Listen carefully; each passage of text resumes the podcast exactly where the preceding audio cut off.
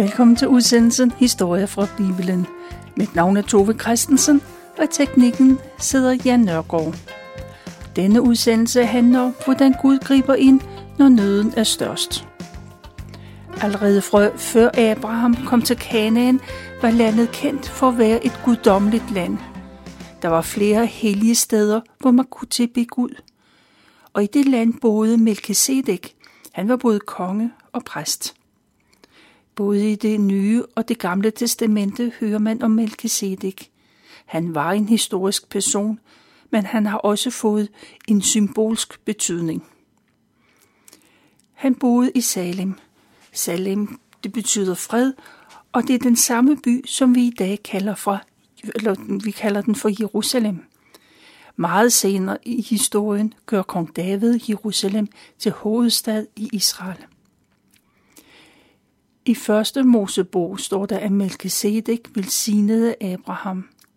Til gengæld gav Abraham en tiende del af alt det, han havde erobret i krigen. Abraham var den første, vi møder i Bibelen, der gav tiende af sine indtægter. Flere profeter i det gamle testamente, de gjorde Melchizedek til en symbolsk person, blandt andet fordi man ikke kender noget til hans familie eller andre forhold. Når personer omtales i Bibelen, så står der normalt, hvem de er søn af eller far til, ofte igennem flere generationer. Men det gør der ikke med Melchizedek. Hverken hans far eller mor eller andre slægtsforhold er nævnt. Det er som om Melchizedeks liv ingen begyndelse eller afslutning har. Det leder tankerne hen på en, der altid har været der, og hans præstetjeneste ikke afslutter. Det gør ham til et forbillede på Jesus, Guds søn.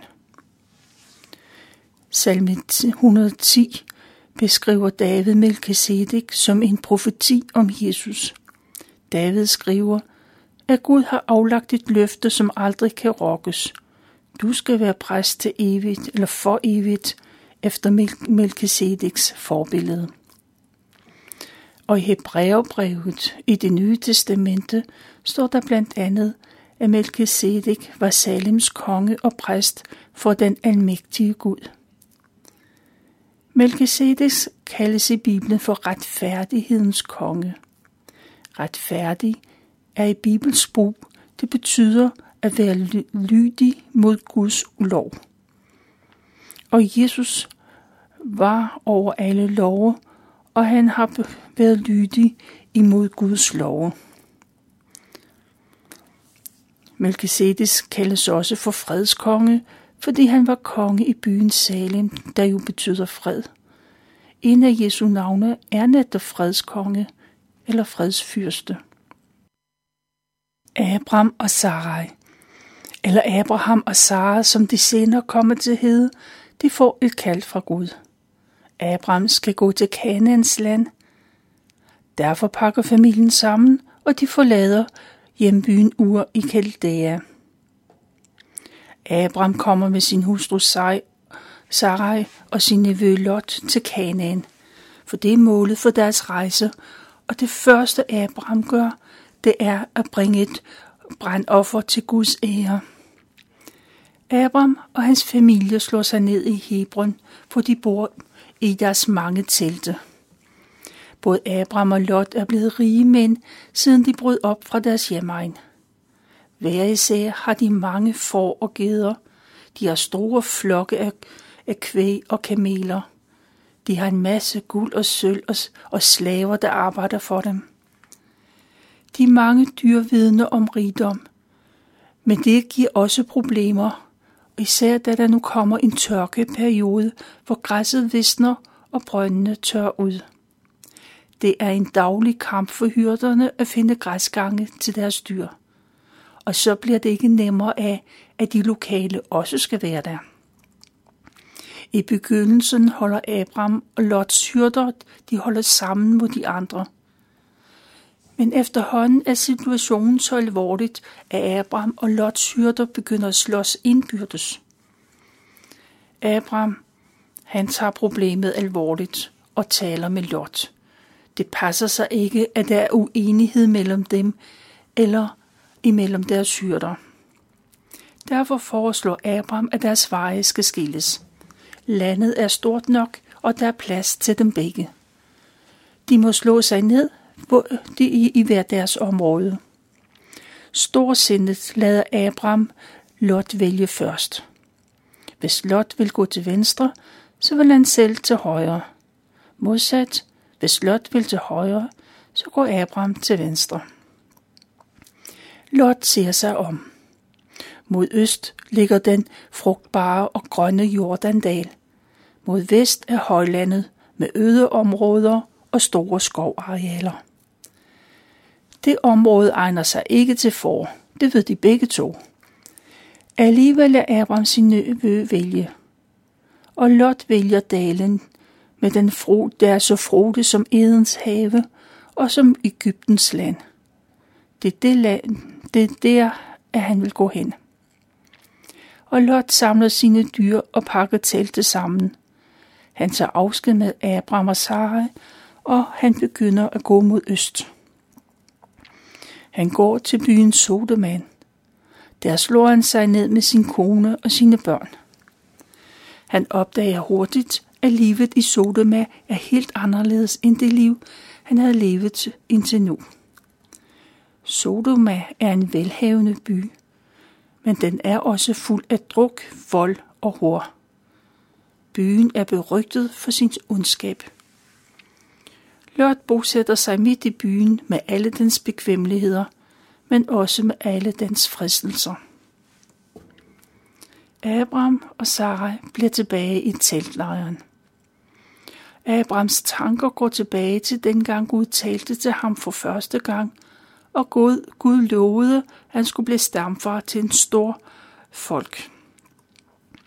Dengang sagde Gud også, at Abraham skulle blive kendt vidt omkring, og han skulle blive en velsignelse for mange. Gennem Abraham skal alle folk velsignes.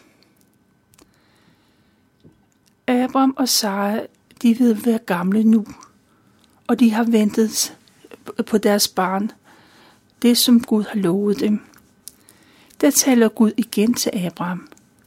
Se dig til alle sider, sagde Gud. Se mod nord og mod syd.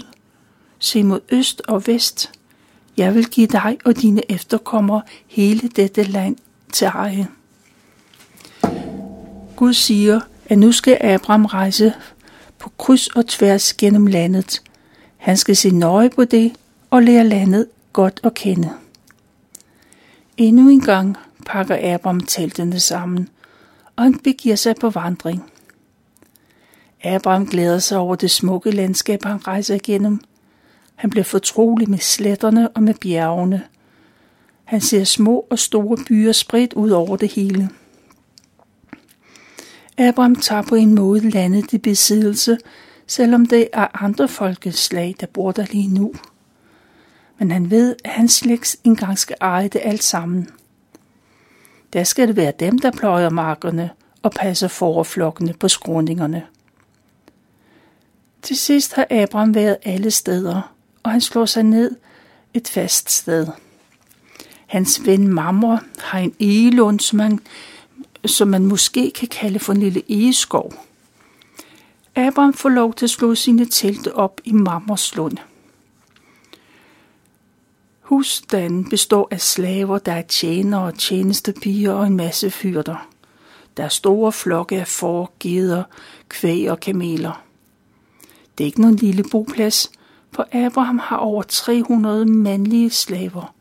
Og så er der kvinderne, for ikke at tale om alle børnene – Måske er der over 1000 personer.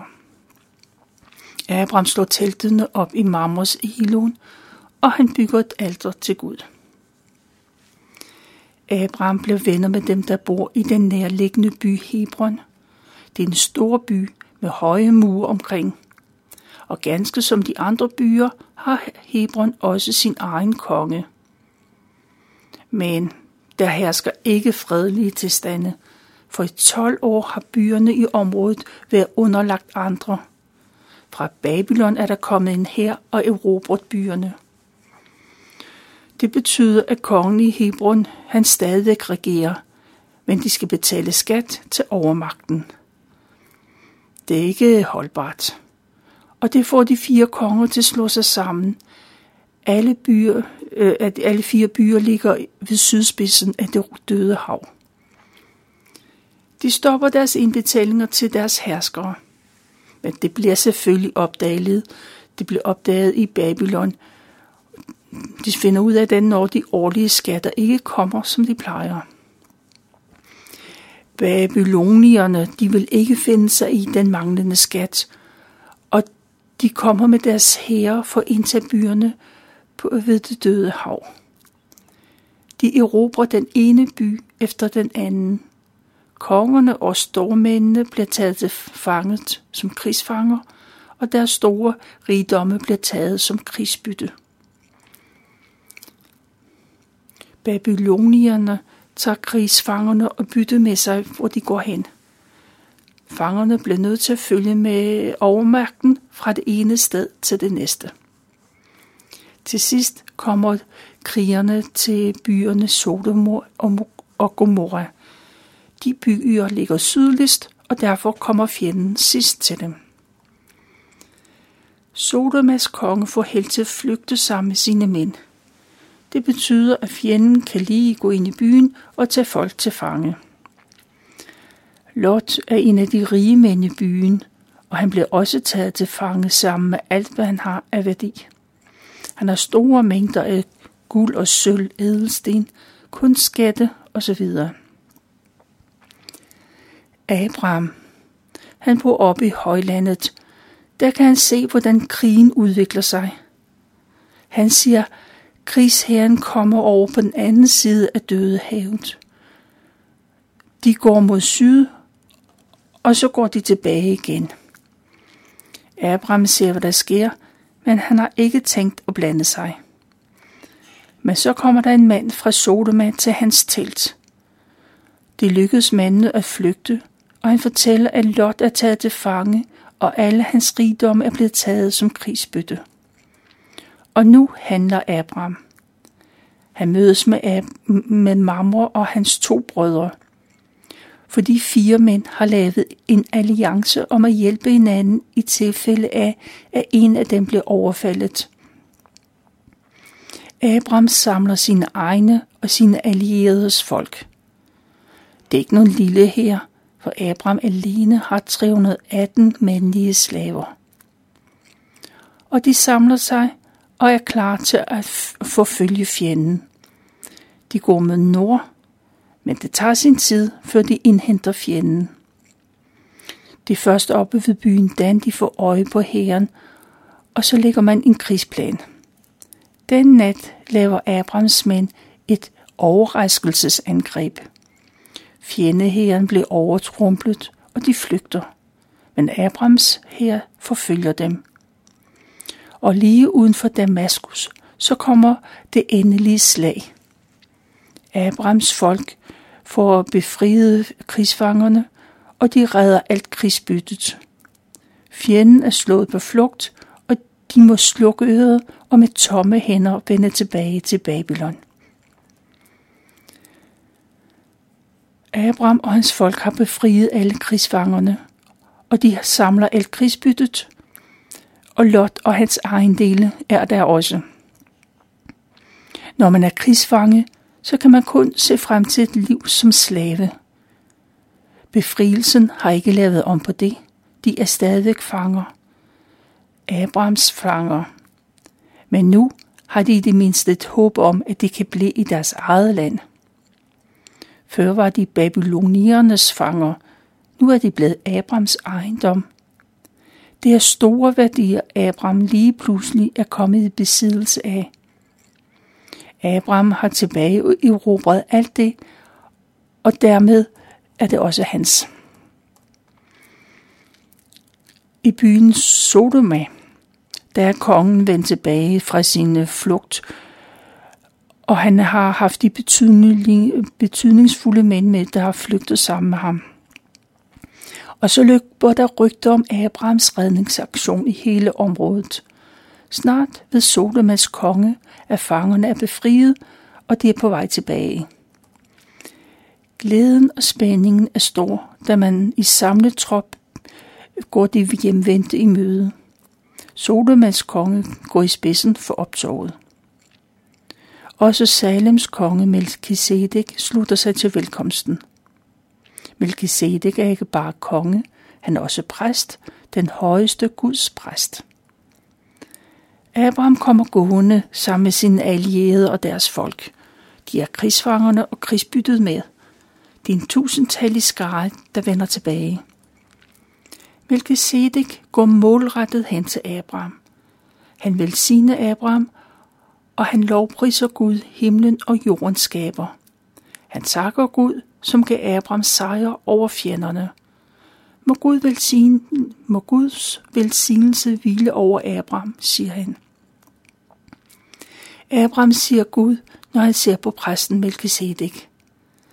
Abraham er helt klar over, at det er Gud, der har været med dem i kampen mod fjenden. Hans utrænede mænd har vundet over de gravede soldater. Det kan kun ske med Guds hjælp. Abraham behandler Melchizedek, som om han er Gud.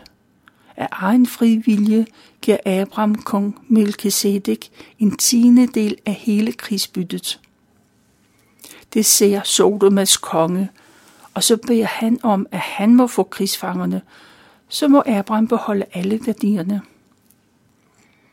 Men Abraham vil ikke have noget til sig selv. Han vil ikke have noget som helst. Ikke engang en sytråd eller en sandalrem. Kongen skal ikke bagefter komme og sige, at han har gjort Abraham rig.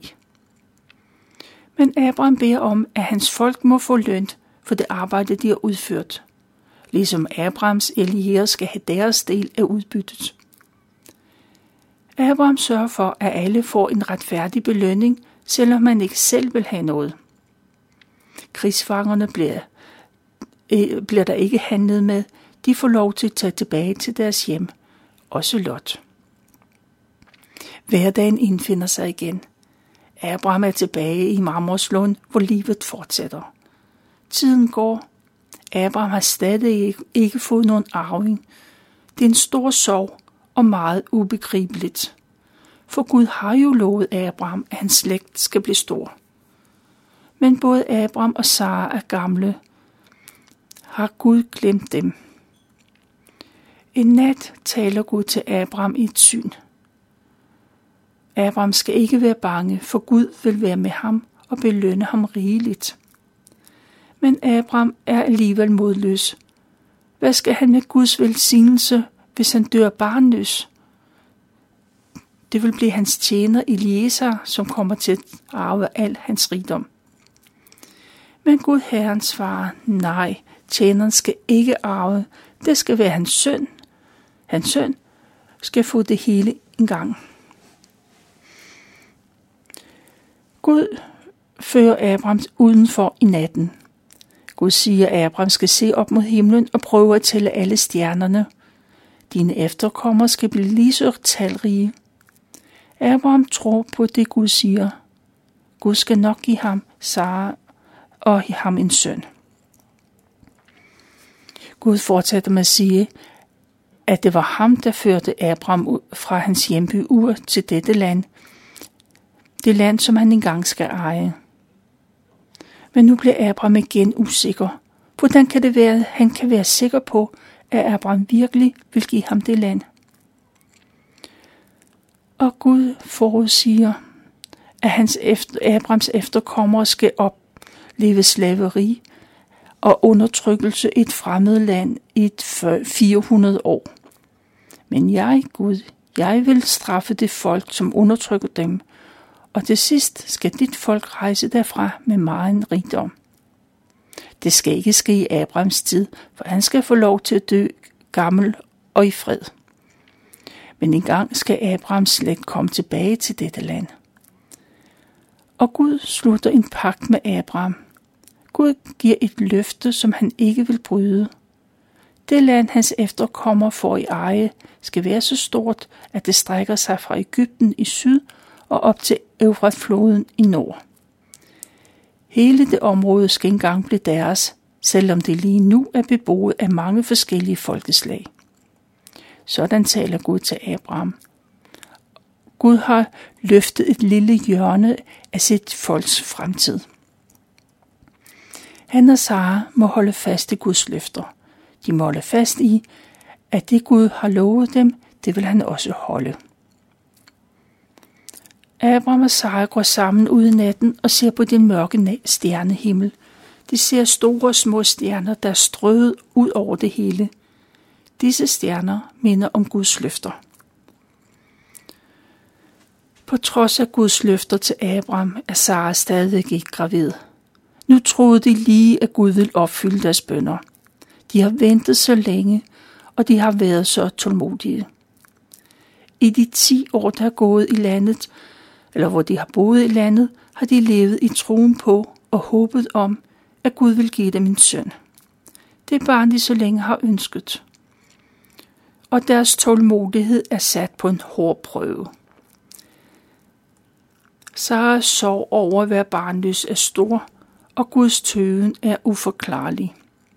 Måske mente Gud det ikke bogstaveligt, når han lovede Abraham en søn. Måske er det ikke hende, der skal føde. Det kan være, at Gud mente det i overført betydning. Abraham kan blive far, hvis en anden kvinde føder hans barn. Hvis hendes slave føder Abrahams barn, så kan barnet på den måde blive hendes. Sara tænker mulighederne igennem. Det kan være en god løsning, for Sara har en egyptisk slavepige, og hun er hendes ejendom, og dermed barnet er barnet også, bliver barnet også hendes ejendom. Sara blev mere og mere overbevist om, at det er en god løsning for alle. Det er nok det Gud mente, da han sagde, at Abrahams slægt skulle blive stor. Sara taler med Abraham om sine tanker, og hun overtaler ham til at tage endnu en hustru. Sara giver sin slavepige Hagar til Abraham. Og nu gør Abraham det, som, han, som Gud ikke vil have, at han skal gøre. Han tager en kone nummer to. Den beslutning får en langrækkende betydning, ikke bare for Abraham og hans familie, men for hele verden. Det er, hvad jeg valgte at fortælle fra 1. Mosebog, kapitel 13, 14 og 15.